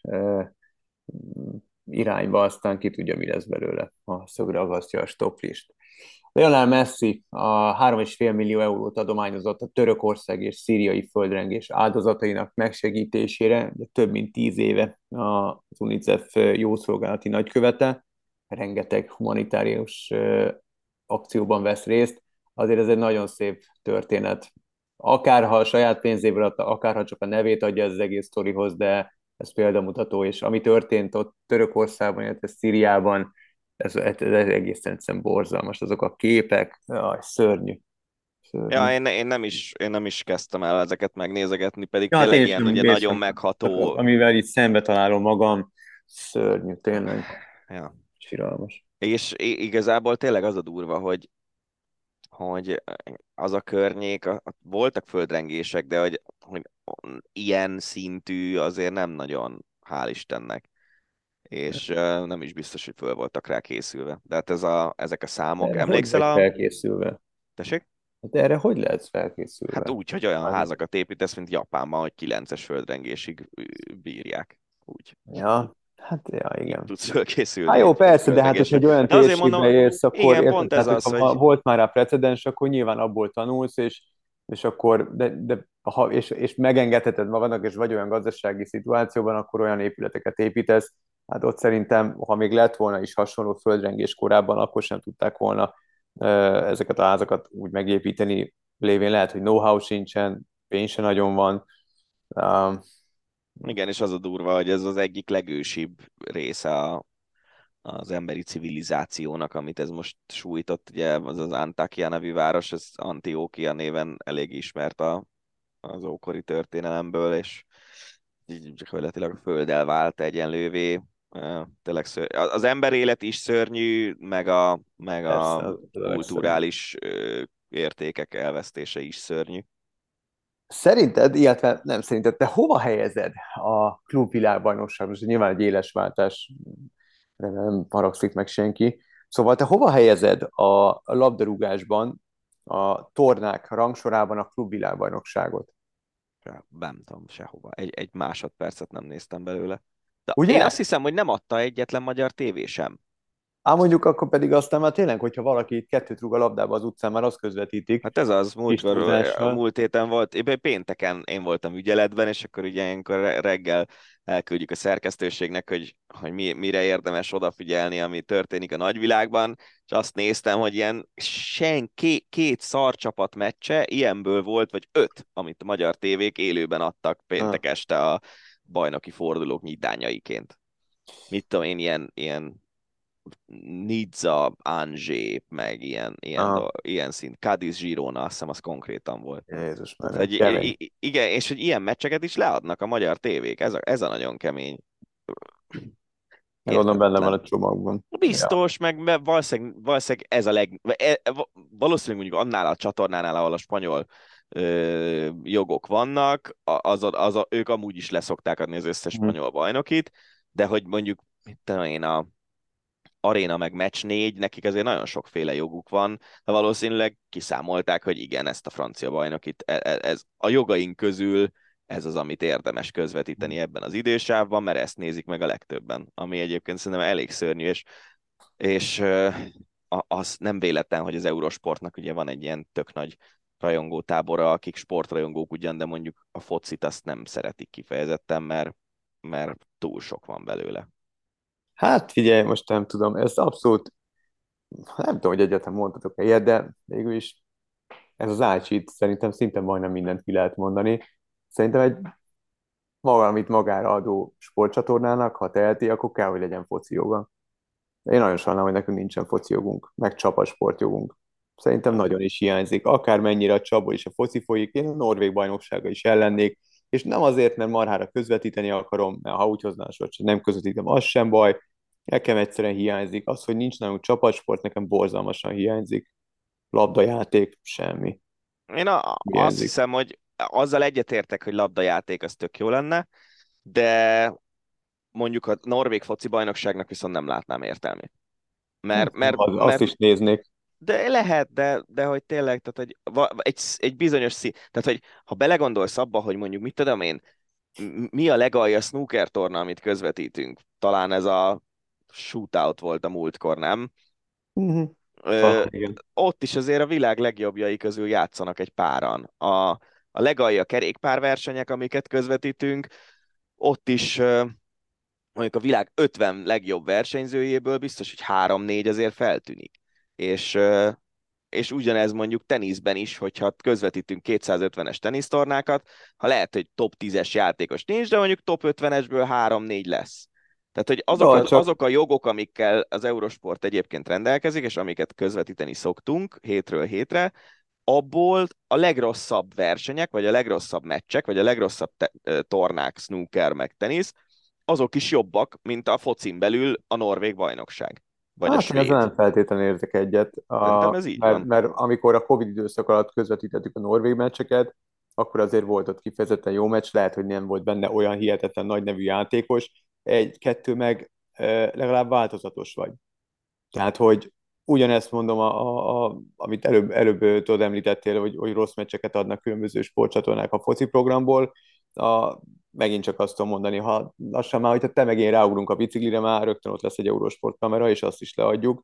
Uh, Tehát én szerintem, lenne. Ja, eléggé. Szerintem, szerintem elférne simán. Uh, vagy kosárlabda, hát és nem feltétlenül... Abban, abban egyetértek, hogy... Az Euroliga, hogy... vagy bármi, bármelyik bajnokság, a, amelyik nívós bajnokság, Szerintem abban egyetértek veled, hogy, hogy mondjuk egy, nem tudom, egy spanyol kosárlabda bajnokság, Ajaj vagy egy olasz kosárlabda bajnokság, az beférne egy, egy francia kézilabda bajnokság, világ második legjobb bajnoksága, az beférne. Az sokkal inkább el, el tudnám képzelni, vagy akár mondjuk, mit tudom én, jó, most persze nem fogjuk a KHL-t közvetíteni, de hogy még, még amik háború előtti időpillanatban még a KHL-t is el mhm. tudtam volna képzelni, hogy, hogy mondjuk az a világ második legjobb hoki bajnoksága, az érdekelhet embereket, de a világ 23. legjobb foci bajnoksága, az, az szerintem annak nincs értelme. Akkor Ez érdekes, amit mondasz. Melyik volt az a sportcsatorna, ami a KHL-t közvetítette? Szerintem Sport nekik nem, ment. Nem, az nem jött be nekik. Hát, Tehát szerintem még a Norvég bajnokság is... É, ö, né, most azt megint csak biztos vagyok benne, hogy, hogy nyilván nem tudok, nem vagyok a, a számok ismeretében, a nézettség ismeretében, de én még azt is el tudom képzelni, hogy egy norvég bajnokság nézettebb a KHL-nél. Lehet, mert, mert én emlékszem arra, amikor, amikor valamelyik vezetője a csatornánknak azt mondta, hogy teljesen mindegy, hogy milyen foci meccs, csak egy 100x60-as füves területen legyen 11 ember, és rúgják a labdát, és ez oda vonza az embereket. Uh-huh. Én elhiszem azt, hogy, a, hogy mondjuk a Norvég bajnokság foci meccseit lehet, hogy többen megnézik, mint mondjuk egy KHL meccset, ezt, ezt el tudod nekem adni, még az is lehet egyébként, hogy mondjuk egy francia kézibajnokinál, vagy egy olasz kosárbajnokinál, vagy mhm. valami jó röplabda bajnokinál is ö, többen nézik. Igen, viszont sportszakmailag persze el kell dönteni azt, hogy mi kereskedelmi tévék vagyunk, és száz százalékig arra megyünk rá, hogy minél több nézőnk legyen, és minél több pénzért adjuk el a reklámhirdetéseket, vagy arra megyünk rá, hogy sportszakmailag mi az, ami erősebb. És, és persze biztos vagyok benne, hogy mondjuk egy északi összetett világkupa versenyt, azt, az jóval kevesebb embert érdekel, mint mondjuk egy norvég focibajnoki, viszont abban a sportágban, ami egy olimpiai sportág, a világ legjobbjait közvetítjük. És az szerintem szakmailag értékesebb, mint a norvég bajnokság. És még mielőtt a Nor- norvégfoci.hu szerkesztője ja, persze, nem, nem, egy, egy e-mailt, hogy miért az norvég, nem a norvég bajnokság, csak most ez a példa nem, maradt példa, itt. Nyilván, persze. Meg ugye ráadásul a norvég bajnokságot azt közvetítettük a, a, akkor, amikor a Covid leállás alatt az volt az egyik egyetlen bajnokság. De például a, szerintem, azt nem tudom, hogy még most is van-e, de szerintem a svéd foci bajnokságnak a meccseit, ezt az eurosport.hu-n hétről hétre lehet nézni. Ősszel még Igen, azt hittem, hogy a Norvégot is, megmondom őszintén. Nem tudom, hogy a Norvég az van-e, de a, a svédben biztos vagyok. Szóval Majd, ezek, ezek jó kérdések. Van, tehát a nap végén a, a nézőszám az, ami, amiért, amiért dolgozol, meg amiért költesz, meg amiért veszel sportjogokat, hogy, hogy megtérjön. Persze, abszolút egyetértek nyilván a, a a sportszakmai kérdésekkel is, meg a sportszakmailag fontos dolgokkal is, de hát a nap végén azért mégiscsak a nézőszám dönt szerintem egy televíziónál, főleg... Lehet, meg mondom, tényleg, tehát le, lehet, beszélsz, lehet, lehet, lehet Lehet teljes mértékben így, így nézni a dolgokat, ebben egyetértünk. És egyébként az bennem is bennem van persze, hogy tök jó lenne, hogyha lennének. De én azt gondolom, hogy ha jó, akár jó foci, vagy jó, valami jó csapatsportág mm. közvetítési jogok, az olimpián kívül, hiszen azért ezt ne felejtsük el, hogy az olimpiai közvetítések azok ott vannak. Pont ezért érdekesek, hogy hogy mondjuk, nem tudom, én négy évente közvetítek kézilabdát. Hát ez az, ezt mondtad, négy évente. Igen. Ja, ja, ja. Na de, el, de elkanyarodtunk igazából a tártól, mert hogy a klubvilágbanosság apropóján beszélgettünk, vagy apropója miatt beszélgettünk erről, vagy kanyarodott el ez az egész beszélgetés a, a televíziózásra, meg a, meg a nézettségre. Szóval a Real Madrid nyerte a klub VB-t, egy olyan tornát, amire, amire kutya nem kíváncsi, szerintem. Hát azt, azt szerintem sokat elmondtam, vagy nem, hogy a döntőben az Álhilállal játszottak egy 5-3-at. Tehát egy, ez, ez úgy nagyjából számomra be is árazza ezt a dolgot. Ez egy, ez ja. egy glorified bemutató torna. Ja, nem ért. Na mindegy, Tony Kroos biztos örül, mert most már rekordot jelentő hatodik alkalommal nyerte meg a klub BB-t. Ugye Bayern egyet, meg ötször a, ötször a Real-val. Biztos az ő pályafutásában ez az a sor, ami a legfölül van, nem? Nem a BL meg a BB győzelmek. Ja, ja, ja. Többször is szabályszegéssel vádolja az angol Premier League a Manchester City-t. Hivatalos közlemény szerint az Egyesület 2009 és 18 között többször is megsértette a liga pénzügyi szabályrendszerét. Hát, hogy erre miért csak most jöttek rá? igazából ez volt, a, ez volt igazából a, a gondolatom. Ugyanaz, mint a, annál a fogadási csalásokkal bűvészkedő mhm. teniszezőnél, hogy, hogy igen, ez csak most mindegy, állítólag akár még a kizárás is szóba jöhet, azért nem is annyira tökölőni magát a PL, hogy az egyik legnépszerűbb, nem tudom, hogy népszerű, de hogy az egyik legjobb Premier League csapat a, a City, az szerintem vitán felül áll, szóval én gyanítom, hogy meg hát tudjuk, hogy kik állnak mögötte, pénzelik, hogy nem hiszem, hogy kidobnák a ligából, de egy, egy vaskos pénzbüntetésre számít, de hát az meg olyan, hogy most érted, nincs az a pénz, amit ne tudnának kifizetni, úgyhogy tök mindegy. Azt a mémet láttad, hogy 2024. június Erling Holland átveszi a Championship aranycipőjét 400 rugott góllal nyerte a góllövő listáját a másodosztálynak. Bár egyébként én azt gondolom, hogy előbb rúgják agyon a Championshipben, mint hogy túl sok gólt rugdosson. Az is lehet. Az is lehet. Vaskuti István lett a nemzet sportolója, olimpiai bajnok kenus C2 500 méteren 1980-ban a Moszkvai olimpián, tízszeres világbajnok. Nagyon, nagyon érdekes, amikor megláttam ezt a hírt, akkor az volt az egyik első gondolatom, hogy, hogy, hogy nem találtak egy egyszeres olimpiai bajnoknál eredményesebb kajakkenust Magyarországon, ha már kajakost vagy kenust akartak beválasztani. Hát, ez a, hogy érted, amit mondok, nem? Hogy, hogy ezt szoktuk mondani, hogy mit én, Kovács Katalinnak van 38 vagy mennyi világbajnoki címe, és hogy egy olyan embert választottak be, aki kétségtelenül ismert, és ugye kritérium az is, hogy a sportpályafutásod után, a sportákban maradva alkossál valamit, aminek nyilván ő elég jól megfelel, de hogy hogyha szigorúan az olimpiai eredményességet nézzük, egy iszonyatosan olimpia központú országban, akkor engem nagyon meglep az, hogy ráadásul párosban és a moszkvai olimpián, ami ugye egy csonka olimpia volt, szerezte az egyetlen aranyérmét, és őt választották be, és egyébként nincsen semmi fenntartásom ellene a személyével, vagy ilyesmi, meg a, a, az, hogy tízszeres világbajnok, ez egy nagyszerű pályafutás, tehát nem, nem, nem, nem vele van a bajom konkrétan, hanem mm. csak meglepődtem, de aztán írta Szabó Gábor, hogy ő az első kajakkenu versenyző, akit, akit beválasztottak? Nem ja, ő? úgy igen, igen, igen. Hát amúgy Hesz Mihály lett volna, de hát ő nem él Magyarországon, és Stuttgartban él, most már elég régóta, elhagyta Magyarországot, és, és egészen Gyulai Zsoltig, ő volt az egyetlen olimpiai bajnok kajakozónk, és nyilván majd Gyuzsó is bekerül ide minden bizonyal, mert nála sikeresebb olimpiai bajnok kajakozó nincsen Magyarországon férfi férfiak ő még, ő még nem Csak elég idős. Fiatal. Igen. Tehát a, igen, a korkövetelményeknek, kritériumoknak nem felel meg, vagy akár Csipes Ferenc, tehát azért említhetnénk meg majd nyilván Kopasz Bálint, és még akkor tényleg elkezdhetnénk itt a felsorolás Vajda Attila kenusok közül. Szóval, de hát ők még nem elég idősek, és még egyszer mondom, én nekem az első gondolatom az volt, hogy de hát, de hát van egy Hesz Mihályunk, aki még hál' Istennek nem halt meg, csak aztán én annyira tudatlan voltam, én azt gondoltam, hogy ő itt él Magyarországon, de nem itt él Magyarországon. Tehát ha itt élt volna, akkor nyilvánvalóan ő már rég tagja lenne, mert egészen szenzációs eredménysora van. A, úgyhogy ez, szerintem ő német állampolgár is, gyanítom, szóval ezért nem, és, és hát így a Kajaken is képviselteti magát. Aminek a... nyilvánvalóan itt volt az ideje, hogy Ahogy ebben az országban egy kajakkenú versenyző ott legyen a nemzet sportolói között, de, de érdekes volt számomra ez a, ez a választás.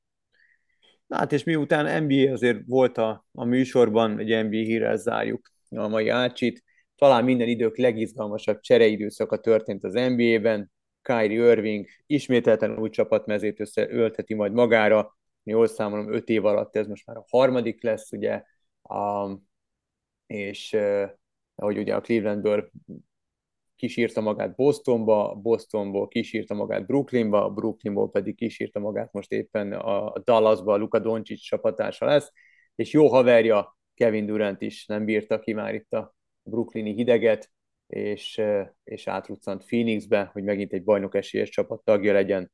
Nem a golf torna miatt? De lehet, Devin Booker és Chris paul úgyhogy összeállt megint egy ilyen, egy ilyen szuper csapat Kevin Durant-tel, ah, szörnyű, komolyan mondom. Tehát azok az emberek, akik LeBron James kritizálják, azt, azt egyszerűen nem tudom elképzelni, és, és összemerik hasonlítani mondjuk Kevin Durant-tel, hát könyörgöm, ne vicceljünk meg. Hát ja, csak közben meg tényleg azért vannak olyan kvázi ilyen tényleg klub legendák, mint Steph Curry, akik egy csapatban töltik a karrierjüket eddig legalábbis, és úgy tűnik, hogy egy, ott is fognak maradni. A, ahhoz érdemesebb hasonlítani LeBron-t. De egyébként szerintem valószínűleg nehez, Na, nehezebb. Ki magát egy szerződésből. Ja, de azt mondom, hogy nehezebb az az út, amit LeBron bejárt, hogy, hogy csapatot építeni ja, itt, aztán ott, aztán amott. Uh, és ha már a Lakers úgy tűnik, hogy én, amit mondtam neked, hogy ez a Russell Westbrook dolog lehet, hogy ő, ő nagyon jó fiú, meg nem tudom micsoda, de hogy ő, igazán ugye akkor volt ő győztes csapattagja, vagy legalábbis sokáig jutó csapattagja, amikor Hardennel meg Duranttel az OKC-ben az mentek. Vagy és, és azóta, ahol volt, ott mindig, mindig ő egyéniben nagyon szép számokat produkált, de a csapat az nem volt jó, és én azt éreztem a Lakersnél, hogy ez egy rossz csere egész egyszerűen egy hát ilyen, nagyon nem volt egy jó. ilyen nagyszerű, de vesztes kosárlabdázót odavinni, és most úgy tűnik, hogy ők is rájöttek erre, örülök neki, hogy másfél évvel vagy mennyivel Igen. később, mint ahogy én ezt gondoltam. És nem is volt nagyszerű igazából, tehát hát, nem, is, nem yes. is játszott jól. Tehát most hatodik emberként jó volt, de amúgy... Szerintem a, a perc, perc statisztikája valószínűleg nem volt rossz játékperc, hát, per, vagy pont per játékperc. Botrányos volt, ahogyan, ahol, ahogy mennyi eladott labda volt, a legtöbb eladott labda volt a ligában, hogy a hármasokat hogy dobta kb. úgy, vagy úgy, hát, mint te vagy én. Sose Lehet... dobta jól. Hát jó, de még, most még annál is rosszabbul dobta. Nem őt kellett volna odavinni. Most oda, tény, oda vittek egy olyat, aki hogy... bedobálja a hármasokat, nem? Igen. Igen, ez most egy, ez szerintem a maximumot kihozta most Rob Pelinka ebből az egész időszakból, úgyhogy nagyon kíváncsi vagyok, hogy Nyilván így sem bajnok esélyes, de így legalább megvan az esély arra, hogy bejut a rájátszásba a Lakers, és nem biztos, hogy pusztán csak a play-inbe. Úgyhogy... De szerintem onnantól kezdve az egy másik történet lesz. Abszolút, abszolút. Tehát abszolút. azért, a, ha, főleg, hogyha Davis egészségesen tudna hát ráfordulni a rájátszásra, ami, ami jó kérdés, de szerintem egyébként azért a play csak elvakarják magukat valahogy, és onnantól kezdve, ha tizedik kiemeltként play vagy lehetsz bajnok, tehát az, az persze, egy persze. más sztori. Ja, Na de figyelj, még mielőtt elköszönnél anélkül, hogy a felhívásunkat közzé tennénk. Ja, igen, igen, igen. Hát közeled, Dani figyelmeztetett, hogy közeledünk a századik, a jubileumi századik adásunkhoz. Nem hittem volna amúgy, hogy egyrészt ez, ez eljön meg, hogy e, e, e, ennyire kinövi magát ez az egész történet, amit amúgy nagyon szeretünk csinálni, és, és tök jó szórakozunk benne, remélhetőleg ti is. Az ötlete az volt, Daninak, vagy az ötletünk az volt, hogy a századik adást azt mi lenne, hogyha ha a hallgatóink egy részével ünnepelnének. Lehet, hogy kettő van, lehet, hogy húsz, lehet, hogy több, nem tudjuk, de, de hogy összehozni egy, egy olyan felvételt a századik adásra, amit, amit együtt veszünk fel. Tehát kinek van kedve találkozni velünk, és, és egy kicsit interaktívá tenni ezt az egész adást, a, azokkal találkoznánk. Dani mondott egy-két helyet, ahol van ismerőse vagy ismerettsége nyilván sörhöz kapcsolható. Kizárt. És, és, és ott leülnénk, és, és kihoznánk valamit a századik jubileumi adásból. Ehhez igazából csak annyira lenne szükségünk, hogy, hogy valamiféle visszajelzést adjatok nekünk, hogy, hogy egyáltalán, hogy hallgat-e bárki minket. Nem, hát ugye az a, az a fő gondolat, hogy kinek lenne kedve egy ilyenben részt venni, valamikor egy, egy ilyen esti időpontban, egy budapesti valami kocsmaszerű helyen, most tök mindegy, hogy ez hivatalosan pub, vagy, vagy étterem, vagy micsoda, kibérelnénk egy termet kvázi, és, és ott élőbe. Úgy vennénk fel az Ácsi rovatot, hogy, hogy ti is ott vagytok velünk, és akár olyan interaktívá teszik, hogy hozunk ugyan témákat, de ti is bedobhatok mhm. témákat, meg kérdezhettek tőlünk, és válaszolunk, szóval egy ilyesmire gondoltunk, és ugye a mostani adás a 96 tehát egy hónap múlva, így március eleje közepén lenne ez a dolog, úgyhogy azt beszéltük meg, hogy e-mailben írjatok nekünk, van egy olyan e-mail címem, hogy drevkukac.eusp.hu, ezt a honlapon is, hogyha rákerestek az impresszumban az én nevemre, akkor ezt kidobja, és akkor írjatok nekem e-mailt, hogyha lenne kedvetek egy ilyenben részt venni, és én meg összeírom, hogy hány ember jelentkezett. Nyilván, hogyha nagyon kevesen érdeklődnek, akkor azért ezt nem fogjuk megtartani, de hogyha van egy, van egy nem tudom, 10-15-20 ember, aki ebben szívesen részt venne, akkor már van értelme szerintem, nem? Abszolút. Szóval Abszolút. akkor írjatok, és csináljuk meg a századik ácsit együtt. Így van. A mostanira pedig köszönjük szépen, hogy figyeltetek, hogy meghallgattátok, és, és akkor jövő héten is találkozunk. Révenit és Farkas Ügyi Gábort hallottátok. Sziasztok! Ez volt a Hosszabbítás, az Eurosport podcastje. A műsor témáiról bővebben is olvashattok honlapunkon az eurosport.hu.